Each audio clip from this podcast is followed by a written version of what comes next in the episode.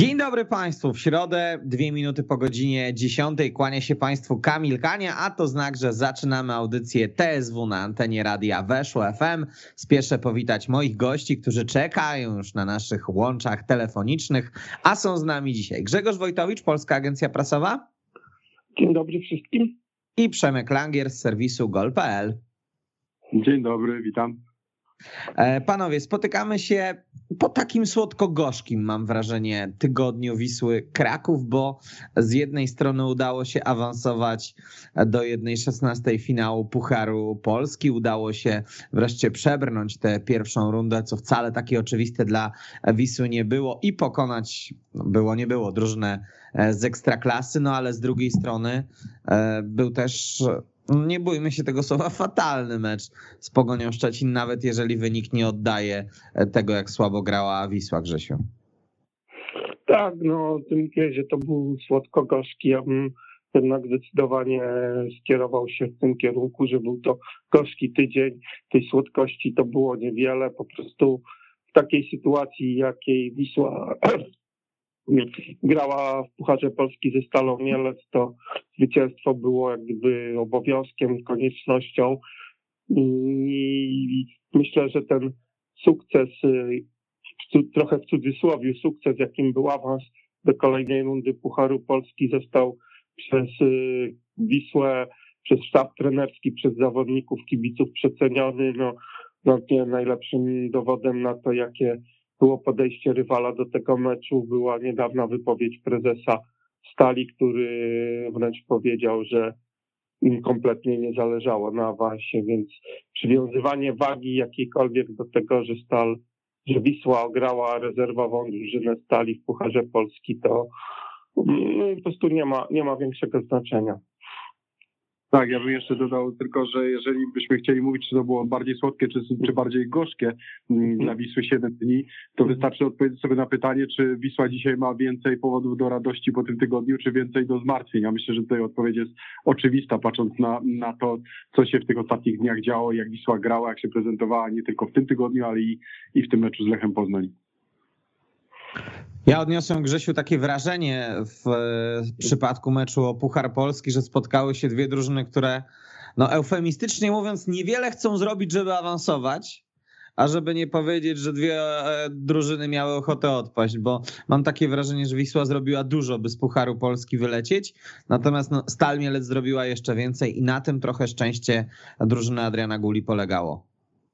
Znaczy ja się akurat z tą tezą nie zgodzę, bo uważam, że Wisła chciała awansować i z tego co wiem był mocny nacisk w klubie. Ja wiem, to też pokazał wywalczyć. skład, tylko, tylko yy, boisko Również... tego nie bardzo, nie bardzo pokazało. Znaczy boisko, no boisko powiedzmy, no Wisła ten mecz zaczęła nonszalancko w swoim stylu, takim, znaczy w swoim stylu, no tak jak potrafi czasami, że wydaje się, że można wyjść i sobie stać i przeciwnik sam się położy. No, tam było parę minut takiego chaosu kompletnego grze. Może to było też związane mimo, mimo wszystko z pewnymi jakimiś zmianami w składzie.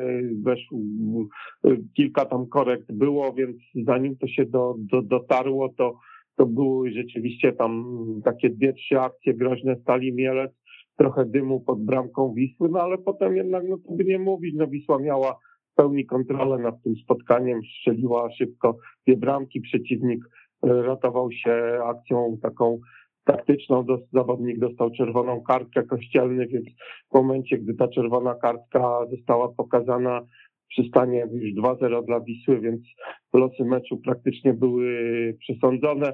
Tam wiadomo, na chwilę ten karny, ten samobój Klimenta trochę może wprowadził zamieszanie, ale nie, no tutaj jeśli chodzi o o jakieś tam chęci, to nie, nie, nie, nie zgodziłbym się z tym, że Wisła nie chciała awansować. Na pewno bardzo chciała i to zrobiła. Za to jej mimo wszystko chwała, bo tak na początku trochę to zdeprecjonowałem. Awans jest awansem, natomiast no, no, trzeba po prostu spojrzeć na to realnie. No, grała z przeciwnikiem, który, który właśnie naprawdę miał gdzieś ten awans niespecjalnie się do tego przykładał, wystawił rezerwowy skład i, i tyle. No, no, no, to była drużyna Stali Mielec w tym składzie. Myślę, że miałaby problemy z utrzymaniem się w pierwszej lidze.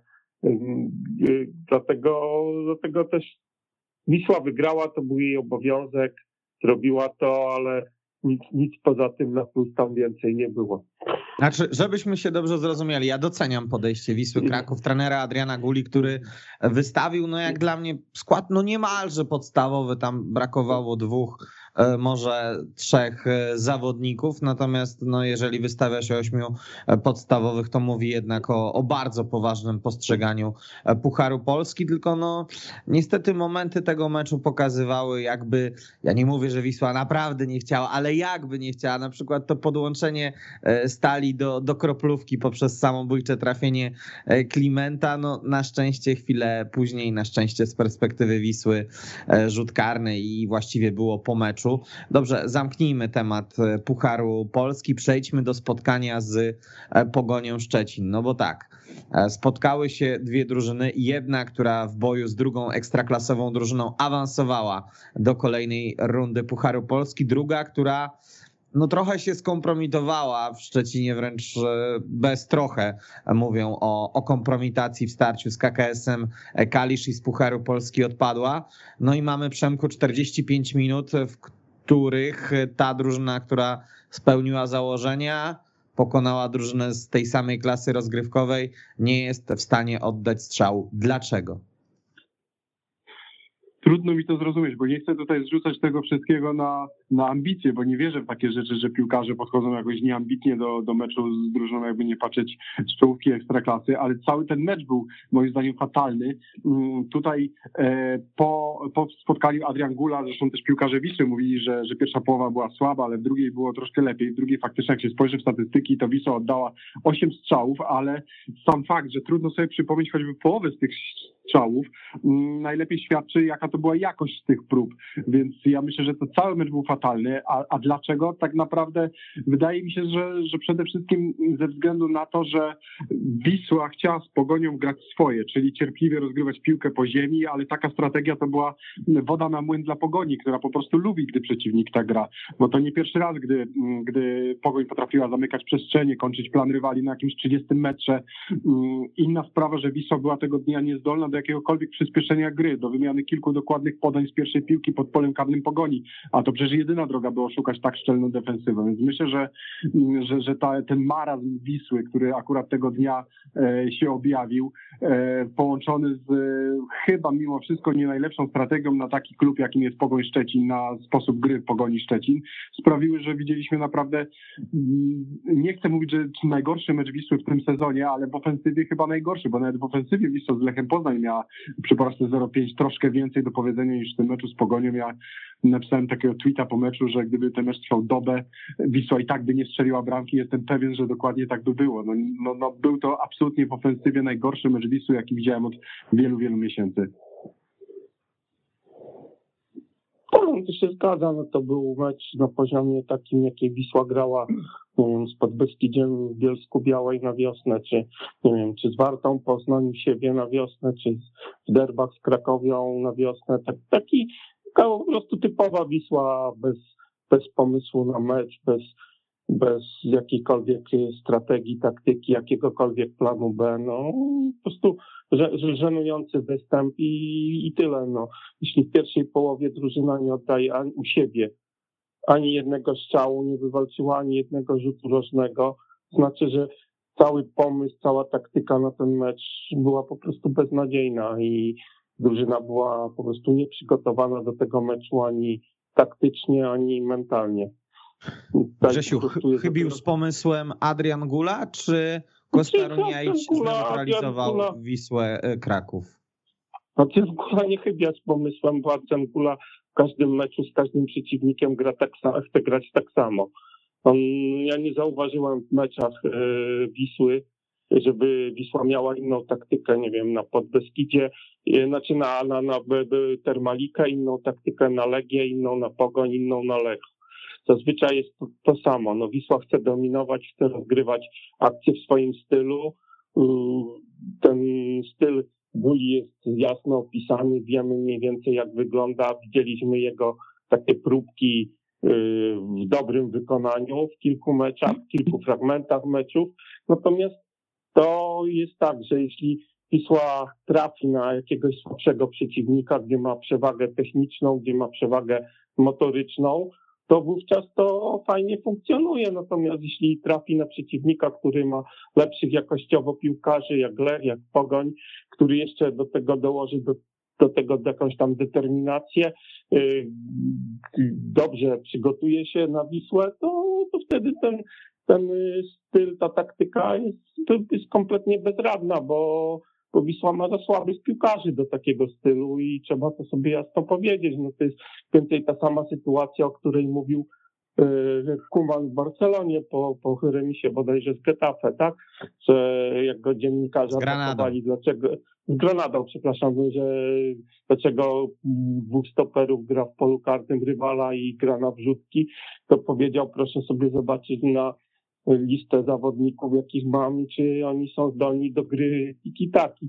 To no, Wiśle się wydaje, że ma zdolnych piłkarzy trenerowi do grania tiki-taki, tylko no, to może, znaczy takiej ofensywnej piłki, tylko ta piłka wychodzi może w meczach z Łęczną, tam nie ma do kiwania, miał do kiwania Rymaniaka, no to go kiwał, natomiast to ma trochę lepszych obrońców i te driblingi nie wychodzą, więc mówię, no Wisła może grać tak w tym stylu, udoskonalić go, pewnie raz na jakiś czas się uda zagrać świetny mecz, ale w starciu mówię, z zdeterminowanym i dobrze przygotowanym taktycznym przeciwnikiem będzie takie, będą takie mecze jak z Pogonią, czy, nie będzie, czy z Lechem Poznań, gdzie nie będzie w stanie nic zrobić. Przemku, jak ty postrzegasz to, co się wydarzyło? Też tak jak Grzesiu, że ten sam pomysł Adriana Guli, czy mimo wszystko znalazł sposób Kostarunia i ci to też byś docenił? Ja myślę, że w tym meczu to obie drużyny zagrały dokładnie to, co grają, grają cały czas. Ja, ja już właściwie o tym, o tym mówiłem w poprzedniej mojej wypowiedzi, że, że, że Pogoń po prostu lubi taki styl, gdy, gdy rywal chce dominować, gdy rywal gra po prostu krótką piłką po ziemi, bo Pogoń jak mało która drużyna w, tym, w tej lidze po prostu świetnie sobie z tym radzi. Zamyka, zamyka przestrzenie, odbiera piłkę e, rywalowi dość blisko własnego pola karnego, ale przy niemożliwości wjechania w to pole karne przeciwko pogoni stwarza się bardzo mało tak. sytuacji, a tutaj jeszcze mm, faktycznie Runiaić miał bardzo ułatwione zadanie, mm, biorąc pod uwagę, że, że Wisła się bardzo łatwo czyta, bo to jest dokładnie tak, jak powiedział mm, Grzesiek przed chwilą, czyli że Wisła w każdym meczu gra, gra dokładnie taką samą piłkę, nie ma jakiejś taktyki dostosowanej pod konkretnego rywala, tylko zawsze, zawsze ma być to samo. Ja nawet nie wiem, czy to jest źle, bo jeżeli, jeżeli e, faktycznie Gula dostanie bardzo dużo czasu, to może w jakimś tam dłuższym czasie e, uda się e, Wiśle wypracować ten, ten styl do tego stopnia, że, że przeciwko lepszym od siebie będzie on działał i może faktycznie nie, jest, nie byłoby dobre zmieniać stylu pod, e, pod konkretnego rywala, tylko pracować cały czas nad, nad własnym, zwłaszcza, że Gula ostatnio pytany o o to, czy potrzebuje jakichś nowych piłkarzy, czy ilu piłkarzy potrzebuje i na jakie pozycje, mm, bodajże w wywiadzie z Interią e, dostał takie pytanie od Piotra Jawora.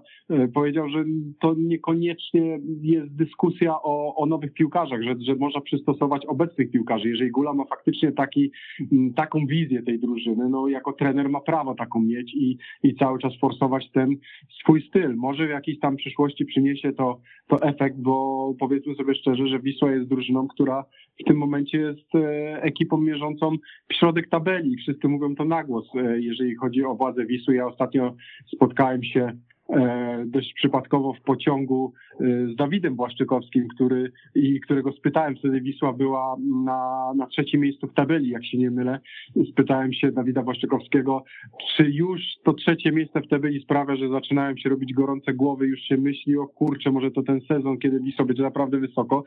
No, nie miałem wrażenia, że to była czysta PR-owa wypowiedź, tylko że mówił całkowicie szczerze, że nie, że Wisła, wszyscy mają świadomość, że Wisła jest drużyną na środek tabeli i że ten środek tabeli celują, że oni myślą o ósmym miejscu, więc, więc jeżeli to tak działa, że, że z drużynami słabszymi Wisła raczej wygrywa, z drużynami y, z góry tabeli raczej ma, ma problem, o którym mówił przed chwilą Grzesiek, to, to nie wiem, czy to też nie jest dobra droga, żeby cały czas forsować ten, ten styl do momentu, kiedy faktycznie z tą, z tą górą tabeli zacznie wyglądać to troszkę lepiej. Może jest to dobra droga, ja nie wiem, Gula taką objął, ma prawo.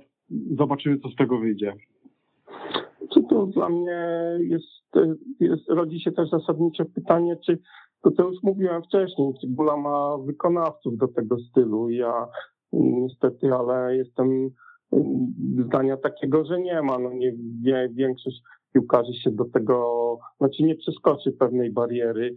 Trener cały czas mówi o czasie, że proces, budowa i tak dalej, tylko ten czas postępuje i drużyna, nie wiem, gra według mnie w sierpniu grała lepiej niż, gra, niż grała we wrześniu i to klasę. Także nie wiem, czy ten czynnik czasu działa na korzyść, czy wręcz przeciwnie, bo im dłużej Wisła gra w tym stylu, tym y, rywale więcej pomysłów mają na to, jak to zatrzymać, więc, więc ja, ja odnośnie tego, że y, drużyna będzie się rozwijać, nie, nie byłbym takim optymistą. Oczywiście Wisła będzie grała lepsze mecze, będzie grała gorsze, to będzie według mnie bardziej uzależnione od aktualnej formy zawodników, od ich jakiejś takiej dyspozycji fizycznej, mentalnej, podejścia do konkretnego meczu, jakiegoś słabszego dnia przeciwnika.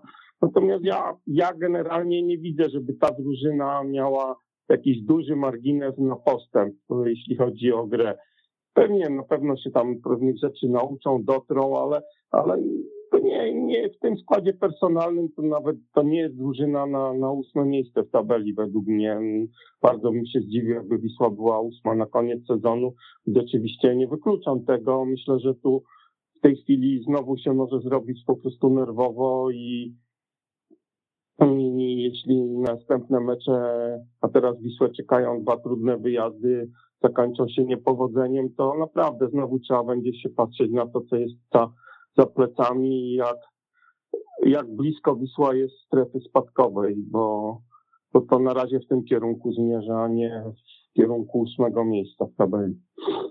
Ja, ja bym się, tylko jeszcze dodam od siebie, że ja bym się troszkę wstrzymał z mówieniem, czy czy mm, Wisła się rozwija prawidłowo, czy nie, bo faktycznie jest to na pewno prawdą, co powiedziałeś, że, mm, że Wisła gra gorzej niż grała jakiś czas temu na, na starcie sezonu. Być może faktycznie jest to stały trend i, i że faktycznie będzie, będzie źle za moment. Natomiast chyba jeszcze na tę chwilę jest troszkę za wcześnie, żeby, żeby o tym mówić, bo nie jest niczym takim niespotykanym, e, jeżeli klub e, nagle obniża loty, zespół obniża loty i, i gra e, gorzej niż grał miesiąc wcześniej, bo przecież to samo dotyczy co najmniej kilku kilku innych drużyn z Ekstraklasy, no, znaczy... nie wiem, K czy, czy Piast Gliwice ostatnio przegrał trzeci mecz z rzędu i też tam mogą mieć jakieś mm, tego typu e, zastrzeżenia czy, e, czy obawy. Natomiast faktycznie, jeżeli Wisła będzie się w tym tempie zwijać, jak, jak się zwija we, we wrześniu, e, no to będzie to na pewno już czerwona lampka, że, że coś trzeba zmienić. Natomiast na razie mi się wydaje, że mamy chyba troszkę za, za, krótki, za krótki czas na, na ocenę tego, czy faktycznie to jest jakieś chwilowe załamanie, czy, czy stały trend. To stale się generalnie zgadzam, że w Polsce e, drużyny, większość drużyn nie ma stylu, tylko jest w lepszej albo w gorszej formie. No i, i po prostu złapie się formę na kilka meczów, trochę się popunktuje, potem jest, jest dołek, zjazd i tak dalej. To dotyczy, nie wiem, 80-90% klubów w ekstraklasie takich drużyn, do których naprawdę można powiedzieć, że mają swój styl, że, że, że że trzymają jakiś poziom, jest naprawdę niewiele. Nawet Lech Poznań, niektórym już się wydawało, że jest to drużyna, która no, przerasta tą ligę. Okazuje się, że wystarczy trochę, trochę zamurować się i pojawiają się problemy jak w Białymstoku, więc, więc tu mówię, no to, to, to dla mnie bardziej, bardziej kluczem do lepszej gry Wisły jest, będzie dyspozycja fizyczna, dyspozycja mentalna drużyny, poszczególnych piłkarzy i liderów, niż, niż to, czy Gula dopracuje na treningach swój styl gry. Bo, bo tu bardziej się liczą jednak takie y, wartości, jak, jak właśnie y, sprawy fizyczne, szybkość, gdy jest lepsza szybkość, to ta piłka szybciej chodzi i tak dalej, więc, więc wtedy, wtedy, wtedy gra się łatwiej, natomiast, natomiast takie stwierdzenie, że oni będą piłować, piłować ten styl gry i w końcu, nie wiem, po siedmiu miesiącach zrobią dwa, trzy kroki do przodu, to jest takie pobożne życzenie. Ale wiesz, Grzesiu, to się zawsze e, mówi o tym, że trener potrzebuje czasu, że drużyna no tak, potrzebuje czasu, no to w końcu ktoś ten czas daje, tak? No to je dostają czas. No, no, no. Ja, ja tylko uważam, że tak jak się popatrzy, to każdy trener mówi o tym czasie, tylko zazwyczaj jest tak, że im dłużej pracuje, tym ma gorsze wyniki. Także nie wiem, może poza Markiem Papszunem to nie widzę jakoś e, specjalnie, żeby czas działał na korzyść e, tego, jak funkcjonują drużyny. No, no nie wiem, no. E, Waldemar Polnalik pracuje chyba piąty sezon w Piaście i miał, miał sukcesy, a dwa ostatnie sezony no, nie są jakieś wybitne w wykonaniu tej drużyny, chociaż teoretycznie powinny być takie, że, że ta drużyna powinna odlecieć w kosmos. No, w futbolu nie ma czegoś takiego jak budowanie drużyny, bo co pół roku są okna transferowe, są kontuzje, są są odejścia piłkarzy. W zasadzie te drużyny się zmieniają, wyciąga się jedno czy dwa ważne ogniwa, wszystko trzeba budować, tworzyć od nowa, wymyślać. Nie wiem, dla mnie no po prostu w futbolu pewnie, że ja nie jestem zwolennikiem jakiegoś gwałtownego działania, ale trener musi reagować tu i teraz i to jest, to jest najważniejsze. Natomiast jakieś takie dalsze perspektywy powinny być klub powinien mieć różne scenariusze, przygotowane okna transferowe, oczywiście też rozwijać jakiś styl, ale trener musi reagować na to, na, na to co jest tu i teraz. I ja, takie mówienie o tym czasie, o dawaniu czasu, to jest takie dla mnie trochę szukanie alibi. No może coś w tym być. Słuchajcie, wielu E, kibiców zastanawiało się, jak będzie wyglądała drużyna bez Patryka Plewki. Jedni byli za tym, że to dzięki niemu to zaczęło wyglądać e, lepiej, kiedy on wrócił do tej drużyny i były zwycięstwa z Górnikiem Łęczna, Legią Warszawa. Natomiast była też grupa sceptyków, jeżeli chodzi o 21-latka, no to mm, ustawienie Wisły z Żukowem, Elmadiuim i, i y, Szkwarką w środkowej strefie boiska można było zaobserwować na tle e, pogoni. Jak ono wam się podobało, Przemek? No trudno by się podobało, biorąc pod uwagę, jak, jak wyglądał ten mecz. Gula mówił po, po spotkaniu, że brakuje plewki. Moim zdaniem, moim zdaniem faktycznie tego Patryka Plewki brakuje. Mam wrażenie, że Wisła e, bardziej kontroluje, e, mając Patryka Plewkę, to co się dzieje w środku pola. E, tutaj z Pogonią Szczecin miała kontrolę tylko, tylko w momencie, gdy Pogoń na to chciała pozwalać, e, trzymając Wisłę oczywiście na dystans, więc ja jestem zdania, że, że to ustawienie nie wypaliło. Inna sprawa, że też e, Żukow ma dość spore wahania formy, bo znamy tego zawodnika od świetnej strony, a znamy też od strony takiej, jaką widzieliśmy z Pogonią, gdzie, gdzie tak naprawdę tej drużynie niewiele dawał. No ja, ja uważam, że, że to ustawienie akurat konkretnie w tym meczu nie wyszło. E, I, i, I, jeżeli byłaby taka możliwość, jeżeli oczywiście zdrowie Patryka Pewki na to pozwoli, no to im szybciej on wróci, tym lepiej. Takie jest moje zdanie. No, trener właśnie w tym programie dla Interi mówił, że Plewka powinien być już na piątek gotowy, przy czym ja bym, oczywiście, no, środek pola Wisły kompletnie nie funkcjonował. Wisła, Wisła przegrała mecz z Pogonią właśnie przez to, że przegrała środek pola i w zasadzie niewiele było w stanie zrobić, y, y, jeśli chodzi o Pogoń, przeciwstawić się. Choć naprawdę mam spore wątpliwości, czy gdyby tam zamiast y, Żukowa biegał Plewka, czy to wyglądałoby dużo lepiej. Może trochę lepiej by wyglądało, ale nie sądzę, żeby, żeby jakoś diametralnie jego obecność zmieniła obraz tego meczu. Pewnie oczywiście, no jak wróci, będzie zdrowy, będzie przez ten tydzień trenował, to pewnie wyjdzie w tym składzie. Natomiast dla mnie też sporym problemem Wisły jest, jest brak klasowej dziesiątki. No, ja tu kiedyś wypowiedziałem się dość krytycznie o skwarce, potem mnie zakrzyczano, że ma liczby. No nie wiem, dla mnie, dla mnie to nie jest, to jest piłkarz trochę lepszy od Sawicza, ale na razie tylko tyle. No, są mecze, gdzie, gdzie coś mu tam wychodzi, coś potrafi, jak mu się zostawi trochę swobody, jak w Łęcznej potrafi błysnąć, widać, że, że ma jakąś wizję gry i tak dalej, ale gdy jest naprawdę dobrze przykryty, to, to się gubi. Widać, że to nie jest piłkarz jakiegoś tam europejskiego formatu, nie mówię o tym najwyższym poziomie, ale średniego, no, który no, wypadł z Ferencvaroszu, nie, został odstawiony tam, bo, bo, też pewnie nie spełniał takiej roli, jakiej oczekiwano od niego, dlatego też jeśli Gula chce rozwijać ten swój styl gry, dla mnie pozyskanie klasowej dziesiątki jest warunkiem niezbędnym, żeby ta drużyna zrobiła krok do przodu. Bez tego według mnie nie ma większych, nie ma większego marginesu na progres. Po prostu przy takim stylu gry to musi być rozgrywający w stylu Mirosława Szymkowiaka czy Semira Stivicza z najlepszej formy, a jak się ma gorszego piłkarza, mniej umiejącego, to, to, to, to po prostu tak, tak to wychodzi, że, że się chce, a nie wychodzi. A ja się będę upierał, że Michał Szkwarka to jest świetny rozgrywający, e, tylko że on nie jest w najlepszej formie.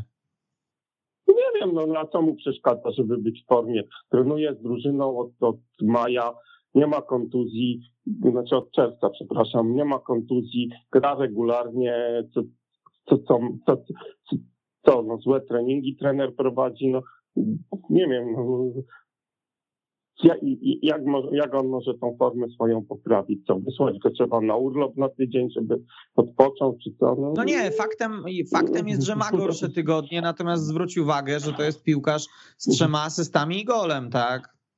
No, no, no fantastyczne liczby, po prostu jedna asysta zupełnie przypadkowa, odbita piłka po nieudanym strzale, no i zrobił jeszcze chyba gola w Łęcznej. No, no, nie są to jakieś, no, nie ma, nikt tej drużynie nie ma jakichś super liczb. Widać, że tej drużynie też brakuje lidera, nie ma strzelca zdecydowanego, który by dominował, no ale też, też, też nie przesadzajmy. No. Ja się nie będę zachwycał liczbami jeden gol i trzy asysty dla ofensywnego pomocnika po dziewięciu meczach. Ja nie chcę, żebyś się zachwycał, ale też chciałbym mimo no, no, wszystko no, no, trochę sprawiedliwości wobec Michała Szkwarki, no, bo to jest piłkarz, który w Żylinie pokazywał, że jest świetnym zawodnikiem. Ale kiedy to było?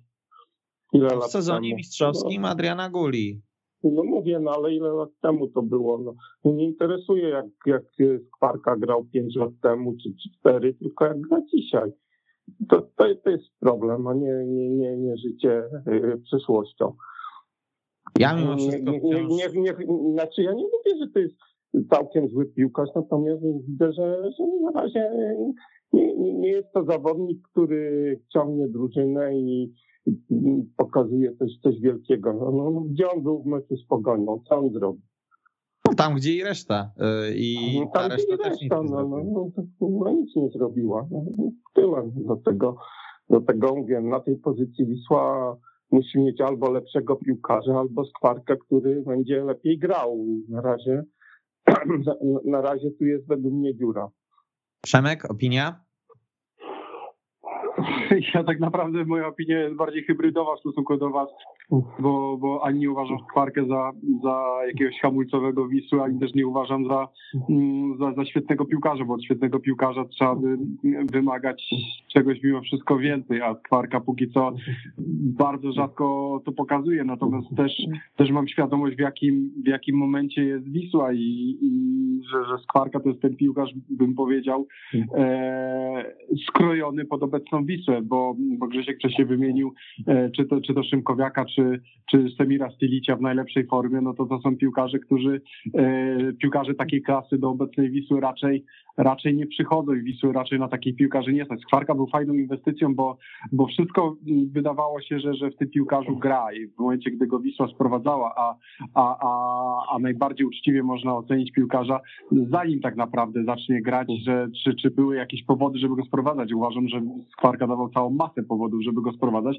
Natomiast też się zastanawiam nad przyczyną jego, jego słabszej dyspozycji, bo, bo, bo prawdą jest to i na pewno za to Grzesiek nie powinien zostać zakrzyczany, że, że co stoi Skwarce na przeszkodzie, żeby, żeby grać lepiej, bo, bo, bo warunki ma do, do treningu dokładnie takie same jak każdy inny. Jeżeli jest piłkarzem dobrym, na jakiego, e, jak, jakim się wydawał, to po prostu powinien zacząć pokazywać to na boisko, bo, bo troszkę czasu już minęło. To, to nie są pierwsze mecze z kwarki, a, a tutaj wygląda to dosyć, dosyć słabo. Natomiast uważam, że potencjał w tym zawodniku jest, tylko pytanie, czy, czy zostanie, zostanie ujawniony, bo, bo przecież też, też mówiliśmy wcześniej, czy, czy, czy kilka lat temu, jak, e, jak e, przychodził do, do zespołu Savic, że to też jest piłkarz, który, który ma wielki potencjał, tego potencjału nie pokazał tak naprawdę do dzisiaj i, i Skwarka, nie wiem szczerze mówiąc na jakiej drodze jest, czy do, do bycia drugim, mm, drugim Czy jednak do ujawnienia tego potencjału. No ja cały czas czekam na jakiś e, dłuższy przebłysk niż tylko jedno czy dwurazowe wykonanie tego piłkarza. No to a propos jeszcze tej e, dziesiątki, e, Grzesiu, Stefan Sawic w zamian za Michala Szparkę do, do wyjściowego składu? Stefan Sawicz to się nadaje do tego, żeby go w ogóle do kadry meczowej nie powoływać. Jest to zawodnik, który w jest już ponad dobry, ponad rok. Nie wiem, czy zagrał pół dobrego meczu. Tak nawet jak wchodził na boisko w meczu z Pogonią, to, to, to śmialiśmy się, że, że, że oczywiście puszcza się go, bo trzeba coś robić, ale żadnej nadziei z jego jakimkolwiek występem nie można wiązać i oczywiście był to totalnie anonimowy występ. To jest piłkarz, którego po prostu trzeba w styczniu zimowym oknie transferowym się, się pozbyć z klubu, spróbować go gdzieś puścić, rozwiązać kontrakt. No, nie wiem, no, co by się musiało wydarzyć, żeby on zaczął, zaczął grać i, i cokolwiek wnosić do drużyny. Kompletnie chybiony transfer, nieudany i dla mnie zawodnik pierwszy do odstrzału w zimie. Nie do grania w podstawowym składzie nawet. Ale bym się zastanawiał, czy warto go wpuszczać na jakieś końcówki. Inna sprawa, że na tej pozycji nie ma w tej chwili innego piłkarza, więc, więc siłą rzeczy pewnie będzie tam te minuty jeszcze jakieś czułał nadziei tak naprawdę nie daje żadnej, bo, bo w momencie, gdy wchodził na boisko z Pogonią, przyznam szczerze, że troszkę chciałem na niego popatrzeć, e, popatrzeć tak dokładnie i obserwować mecz pod kątem właśnie Stefana Sawicia, co on Wiśle da w takim trudnym momencie, gdy, gdy trener na niego liczy i, i przyznam szczerze, że Sawic nie miał jednego dobrego zagrania, które cokolwiek wynosiło do, do akcji Wisły. Też uważam, że za długo tu jest czekanie na Stefana Sawicia, żeby on cokolwiek Wiśle dał. Myślę, że, że tutaj już nic z tego nie będzie. No, plan jest generalnie według mnie prosty. No, pozbyć się Sawicza, sprowadzić dziesiątkę, która byłaby do podstawowego składu i skwarkę jako rezerwowego. No, tak, taki plan dyrektor sportowy powinien zrealizować w, w styczniu, jeśli Wisła chce iść do przodu i rozwijać ten styl, który, który chce realizować trener Kula. To może panowie Wisła powinna wypróbować ustawienia z dwójką napastników. Ja wiem, że Kliment był w podstawowym składzie, ale on nie grał wtedy jako napastnik, tylko jako e, skrzydłowy, a może spróbować by ustawienia z Felicio Brown Forbesem i Janem Klimentem no obok siebie, tak? Grzesiu. Ja przyznam, że... Dobrze, a, proszę bardzo. Proszę. A ja, przyznam, że troszkę mnie to właśnie rozczarowało, że, że Gula zdjął e, Browna Forbesa w przerwie. Ja wiem, jak on to argumentował, że, że Felicio miał żółtą kartkę i, i groziło Wiśle granie w dziesiątkę, natomiast nie uważam, że, że zawsze żółta kartka powinna być argumentem dla zdejmowania zawodnika i, i grania bezpiecznie, by tylko skończyć mecz w 11. Mimo wszystko każdy jakiś swój rozum ma i, i Brown Forbes powinien zdawać sobie sprawę, że gra z kartką. Poza tym jest wiadomo, że, że że gra na pozycji napastnika, czyli nie pozycji, która generuje wiele sytuacji, w których można złapać kartkę. Uważam, że zostawienie Forbesa na boisku e, w momencie, gdy się przegrywa, w momencie, gdy gra ofensywna w ogóle się nie układa, gdy można zmienić nie tylko e, zawodnika, ale cały system gry i przejść właśnie na dwóch napastników, skoro ustawienie z jednym napastnikiem nie przyniosło żadnej sytuacji, z której udałoby się oddać strzał, no uważałem to za naturalne rozwiązanie. Jeżeli by to nie wypaliło, jeżeli by się okazało, że Brown Forbes e, nie jest ani o, o kropkę lepszy niż był w pierwszej połowie, grając z Klimentem w jednej, w jednej linii, no to zawsze była jeszcze możliwość korekty, nie wiem, w okolicach 60 minuty i granie pół godziny jeszcze mm, innym sposobem. Natomiast troszkę, troszkę mnie to rozczarowało, że, że Gula nie dał, nie dał akurat w takim konkretnym meczu szansy e, grania dwoma napastnikami. Byłem, byłem zdziwiony, że akurat Brown Forbes e, w przerwie, w przerwie wschodzi i że, że woli mm, Gula trzymać się tego swojego systemu, który był kompletnym niewypałem w pierwszej połowie, niż, niż spróbować czegoś nowego. Tutaj zdecydowanie stawiam minus przy, przy trenerze. Znaczy, ja nie wiem, jak ten system dwójką, znaczy w tym, tu się zgadzam z Przemkiem, że trzeba było tego spróbować, przynajmniej przez pierwsze 15 minut drugiej połowy, zobaczyć jak to zafunkcjonuje, natomiast nie wiem, czy tak wyjściowo ten system 4-4-2 by się sprawdził, no z prostego powodu, no większość drużyn w Ekstraklasie gra jednak trójką w środku pola, tutaj no, trzeba by byłoby mieć dwóch jakichś naprawdę niesamowitych świetnych środkowych pomocników, żeby sobie dawali radę.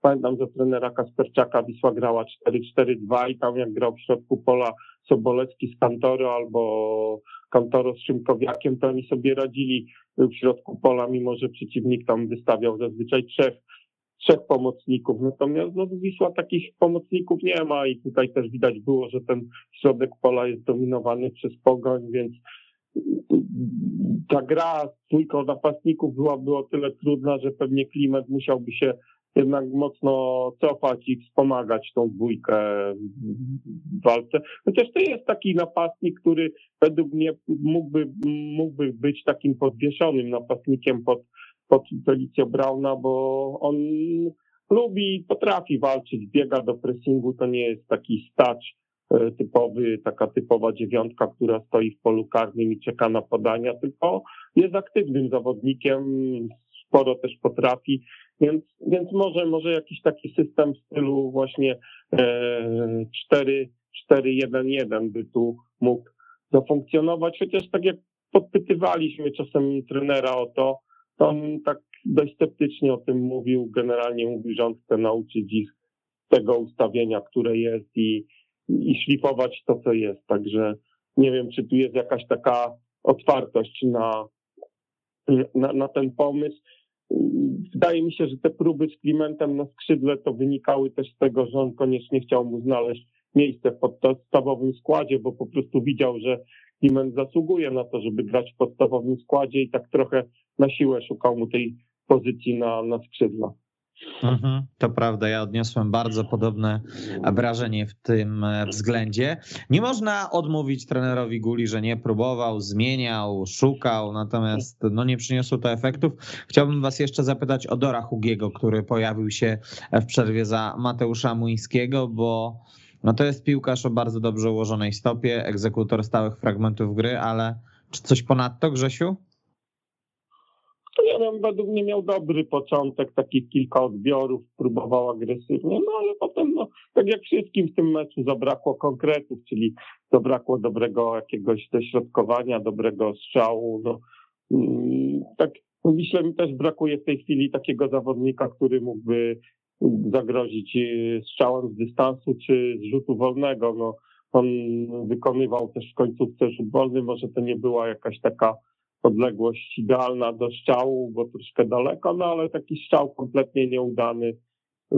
Zresztą ten strzał na przykład w meczu z Lechią, gdzie też miał rzut wolny w końcówce, finalnie to się opłaciło, bo był z tego rzut rożny, no ale powiedzmy sobie sam strzał też nie był jakiś jakiś rewelacyjny. No generalnie jeśli chodzi o rzuty wolne, to, to nie przypominam sobie dobrego wykonania takiego oczywiście nie dośrodkowania, tylko strzału na bramkę z rzutu wolnego. Widać, że brakuje tutaj jakiegoś takiego specjalisty, natomiast no, no był aktywniejszy od Młyńskiego, natomiast no, też nie był to występ, który y, można powiedzieć, że zamknąłby komuś usta i powiedział, dobra, w następnym meczu Dorhugi musi być pierwsze, od pierwszej minuty.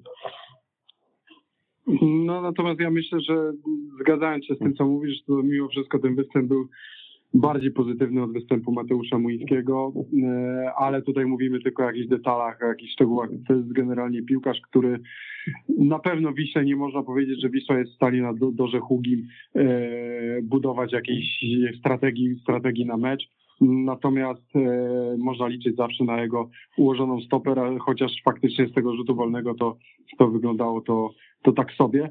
Mm, też właśnie zastanawiam się, czy, czy nie było dobrą metodą na ten mecz z Pogonią wykorzystać Hugiego troszkę bardziej w bocznych sektorach i faktycznie pozwolić mu kilka razy dorzucić piłkę w polu karnym, bo to wiemy, przecież pamiętamy z Lechią Gdańsk, że, że przynosiło to skutek, a skoro gra po ziemi z Pogonią nie, nic nie dawała, czy, czy nie trzeba było wykorzystać właśnie tej ułożonej stopy Hugiego. Ja nie kojarzę takich zagrań w jego wykonaniu w meczu z Pogonią i troszkę może tego faktycznie brakowało.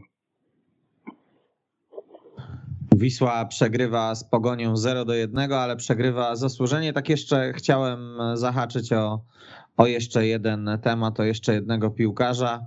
E, najwyższe noty od kibiców Wisły na y, łamach serwisu wislaportal.pl e, zebrał Jał Boa. Czy on faktycznie był waszym zdaniem najlepszym piłkarzem tego niedzielnego marazmu przy Reymonta Przemek?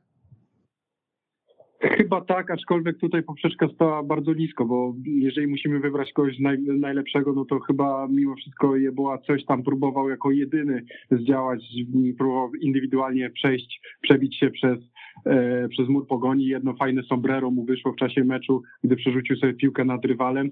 Natomiast to wszystko, wiadomo, kończyło się bardzo daleko od, od bramki i nie przekładało się na żadne sytuacje bramkowe. W ogóle mm, o, o tym całym maraźmie Wisły w tym meczu też dobrze świadczy Instat Index. Jak, jak sobie spojrzałem, to najwyższy Instat Index miał e, już w tej chwili nie potrafię sobie przypomnieć nazwiska, chodzi mi bardziej o wartość, że to było 260. Jeżeli 260 jest najwyższym, najwyższą wartością, to pokazuje marazm drużyny, bo to jest naprawdę dość, dość przeciętny wynik. Cała Wisła była w granicach 210, 220, więc ocenianie, kto był tutaj najlepszy, to jest naprawdę szukanie na siłę, bo, bo owszem, zgodzę się, że był nim Jeboa, natomiast E, poprzeczka była tak nisko, że nawet bycie najlepszym piłkarzem Wisły w tym meczu nie przekładało się na żadne konkrety.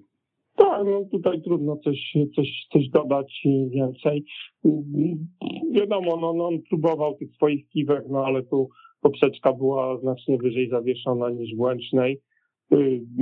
No i też, no zresztą Nieba to też jest zawodnik taki, który po prostu ma ogromny potencjał, ale jego problemem jest też jakaś tam wielka y, stabilizacja formy. On po prostu ma mecze, w których błyszczy, w których po prostu wszystko mu wychodzi i kibice y, no, klaskują go na stojąco, ma takie mecze zupełnie nijakie i gaśnie, to jest jego, jego też jakiś tam problem, choć tutaj jeśli chodzi o trenera Gule, to y, mimo wszystko chciałbym tutaj, mm, może nie mimo wszystko, no ale y, uważam, że on pod trenerem Gulą zrobił postęp i ta jego gra jest bardziej stabilna niż w poprzednim sezonie, więc, więc tutaj jakiś taki plusik dla trenera za to, że jakoś ten potencjał y, tego zawodnika potrafi wydobyć i mimo wszystko na jakimś tam poziomie utrzymywać. No gdyby Wisła miała też z drugiej strony takiego skrzydłowego, który podjąłby przynajmniej takie próby jak on gry, to, to, to troszkę chyba pewnie łatwiej byłoby tą defensywę pogoni wtedy skruszyć, no ale takiego czegoś zabrakło z drugiej strony. Przede wszystkim różnica była w tym sezonie i w tamtym jest taka, że nie ma aż tak gigantycznej dysproporcji między pierwszą a drugą połową w jego występach, bo tak, pamiętamy, tak. Tamtego, no, pamiętamy z tamtego sezonu, że w drugiej połowie to był zupełnie inny piłkarz. Teraz Teraz chyba nie można tego powiedzieć, że to jest zupełnie inny piłkarz e, w drugiej połowie niż w pierwszej, więc to jest na pewno na, na plus dla Guli. I mimo wszystko no, troszkę bardziej odpowiedzialny w obronie jest, widać u niego pewne takie mm, nawyki jak gdyby prowadzone, że nie jest tego odpuszczania w defensywie. Jeszcze na początku coś sezonu się zdarzały, a teraz coraz mniej tego i to też na plus dla niego. Przed nami spotkanie Wisła Kraków, Piast Gliwice w Gliwicach dodajmy. No to jest taki mecz, powiedziałbym idealny, przynajmniej w teorii na przełamanie, bo Piast wygląda bardzo słabo w tym sezonie, Grzesiu. No Piast wygląda słabo, bo Piast stracił swoją jak gdyby podstawową opcję ofensywną w postaci Świerczoka. No, co, co znaczy dla tej drużyny, to wszyscy wiemy. Wyjęcie takiego zawodnika i niezastąpienie go de facto nikim no musiało spowodować taką wyrwę, jednak myślę, że większą, jeszcze większą powodują problemy w defensywie. No, no, co by nie mówić, Kuba Czerwiński jest kontuzjowany, nie gra w ostatnich meczach.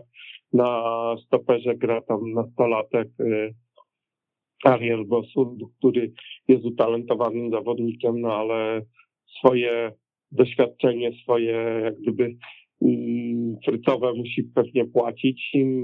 No, bez takiego lidera defensywy, bez lidera ataku, no ta drużyna oczywiście musi zaliczyć jakiś tam, musiała zaliczyć jakiś tam zjazd. No i, no i rzeczywiście no teraz doszedł jeszcze jakiś tam kryzys formy, no oni niby punktowo nie są tak tragiczni jak w zeszłym roku o tej porze, gdzie, gdzie po prostu jeszcze płacili yy, jak gdyby takie yy, po prostu nie potrafili sobie poradzić z grą w lidze i w pucharach europejskich. Natomiast no, tutaj mieli też trochę pecha, bo takie mecze dwa u siebie ze Śląskiem Wrocław i gdzie stracili zwycięstwo w ostatniej akcji meczu, potem e, z Lubinem remis w ostatniej akcji meczu stracili, więc to, to są takie, takie dość trudne momenty, więc teoretycznie rywal idealny, tylko wszystko na przełamanie, tylko no, to jest też logika naszej ligi, no, gdzie wszystko wskazuje na to, że ktoś jest w lepszej formie i powinien wygrać, a ktoś jest beznadziejnej yy, i powinien przegrać, nie, nie ma zastosowania. No tu też przyjechała do Krakowa Pogoń po kompromitacji w Kaliszu i wygrała. No. Także jakoś specjalnie nie pocieszałbym się tym, że, że Piast chyba trzy mecze kolejne przegrał, bo to będzie w piątek nowy mecz i ta drużyna no, po takich trzech porażkach myślę, że będzie jeszcze o wiele bardziej zdeterminowana niż gdyby na przykład w poniedziałek wygrała z Krakowią, to wtedy zawsze jakiś tam taki element samouspokojenia by nastąpił, a tak jest tylko podrażnienie i chęć rewanżu. Co oczywiście też dotyczy Wisły, która mam nadzieję też pokaże y, jakiś tam y, jakąś sportową złość po tym, co się stało w meczu z Pogonią. Tak trudno tutaj oceniać, czy ten mecz jest idealny dla Wisły na przełamanie, bo tak samo mogą mówić przecież Gliwice, prawda, że grają z Wisłą, która jest w tej chwili w kryzysie, od dwóch meczów nie strzeliła bramki, zdobyła jeden punkt w ostatnich meczach, więc, więc jest dokładnie ta, ta sama gadka może funkcjonować w drugą stronę. Tak. No, no ten mecz jest ciekawy moim zdaniem pod kątem też wychodzenia z jakiegoś tam kryzysu, bo to jest pierwszy kryzys e, Adriana Guli. Oczywiście on nie jest jakiś, jakiś długotrwały, bo, bo trwa dopiero od trzech spotkań. Natomiast też, też fajnie pokaże, e, jak Gula potrafi wpłynąć na zespół po dwóch bardzo słabych meczach. Czy, czy będzie faktycznie jakiś impuls do tego, żeby, mm, żeby zaprezentować się lepiej w tym trzecim spotkaniu? No, no jestem niezmiernie ciekawy tego spotkania właśnie pod tym kątem. Czy poza powrotem Patryka Plewki, o ile on będzie w stanie zagrać, spodziewacie się panowie zmian w wyjściowej jedenastce Adriana Guli? A jeżeli tak, to gdzie? Przemek. Mam przeczucie, że będzie zmiana w napastnika, że, że wyjdzie Kliment, że Wisła zagra jednym napastnikiem, ale że tym, tym napastnikiem będzie Kliment, że, że wreszcie e, Gula da mu szansę na, E, od początku na, na swojej pozycji. Natomiast więcej zmian chyba się nie spodziewam, z, z wyjątkiem oczywiście ewentualnie e, plewki, bo w ogóle raczej mm, raczej przyzwyczaił do tej stabilizacji składu, że jeżeli faktycznie gdzieś zmienia, to, to gdzieś tam z przodu. E, myślę, myślę że, że trudno mi znaleźć jakieś inne zmiany, ewentualnie mm, Dor Hugi za, za Mateusza Muńskiego, ale myślę, że, że, że skończy się na klimencie za, za Forbesa. Ja szczerze mówiąc tak nie, nie wykluczyłbym, że w meczu w Gliwicach na prawej obronie zagra Dawid Szot zamiast Pruszkowskiego. Tak, to wynikało trochę z takiej rozmowy, może nieformalnej już po meczu z, z Pogonią, z trenerem, który właśnie zwrócił uwagę na to, że Gruszkowski ma, doszedł do jakiegoś takiego pewnego poziomu zmęczeniowego, który spowodował, że zagrał słabiej z pogonią, że nie był, że brakowało mu takiej świeżości. Trener mówił, że, że ten młody zawodnik, który w zasadzie gra pierwszy sezon regularnie w Ekstraklasie, to był jego bodaj dziesiąty mecz, licząc Puchar Polski, grany praktycznie od pierwszej do ostatniej minuty, że tutaj chyba jakieś takie małe, trochę, trochę tak jakby pojawił się pewien problem fizyczny, takiego lekkiego zmęczenia, że trzeba dać w sezonie mu oddech, trochę oddechu takiego, żeby on nabrał znowu takiego wigoru, więc nie wykluczam, że tutaj, chociaż rzeczywiście to jest tylko moje przypuszczenie, że, że tutaj może dojść do, do zmiany w Gliwicach, że, że po prostu Gruszkowski dostanie tak, taki mecz na odpoczynek. Potem jest przerwa na kadrę, no on tam jedzie, no ale mimo wszystko troszkę mu pewnie może być taka sytuacja, że, że, że, że zagra szop. Natomiast tu się zgadza, że pewnie Hugi wyjdzie w podstawowym składzie, pewnie Plewka, jeśli będzie zdrowy, to wyjdzie. No i, no i nie wykluczam też tego wariantu z Klibertem z przodu. No generalnie tak patrząc na, na, na Wisłę, na kadrę Wisły, to nie ma jakiegoś takiego dużego pola manewru, żeby robić rewolucję w składzie. No, no nie wiem, nie sądzę, żeby zdecydował się trener zmieniać stoperów. Na lewej obronie w zasadzie nie ma alternatywy. No, no, no. W środku pola tak naprawdę jedyna alternatywa to jest Żukow, Plewka. Można tu między nimi wybierać. Jebałach jest pewniakiem, no i można szukać kandydata na, na, na drugie skrzydło. No tutaj można szukać zawodników.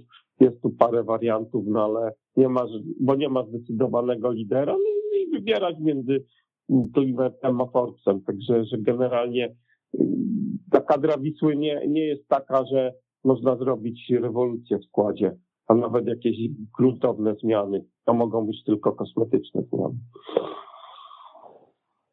I tym wątkiem kończymy dzisiejsze wydanie audycji TSW na antenie Weszło FM. Dziękuję już bardzo moim gościom, którymi byli dzisiaj Grzegorz Wojtowicz, Polska Agencja Prasowa. Dziękuję bardzo. Przemek Langier, gol.pl. Dziękuję. Za uwagę i wspólnie spędzony czas. Dziękuję także Kamil Kania. Kłaniamy się, do usłyszenia.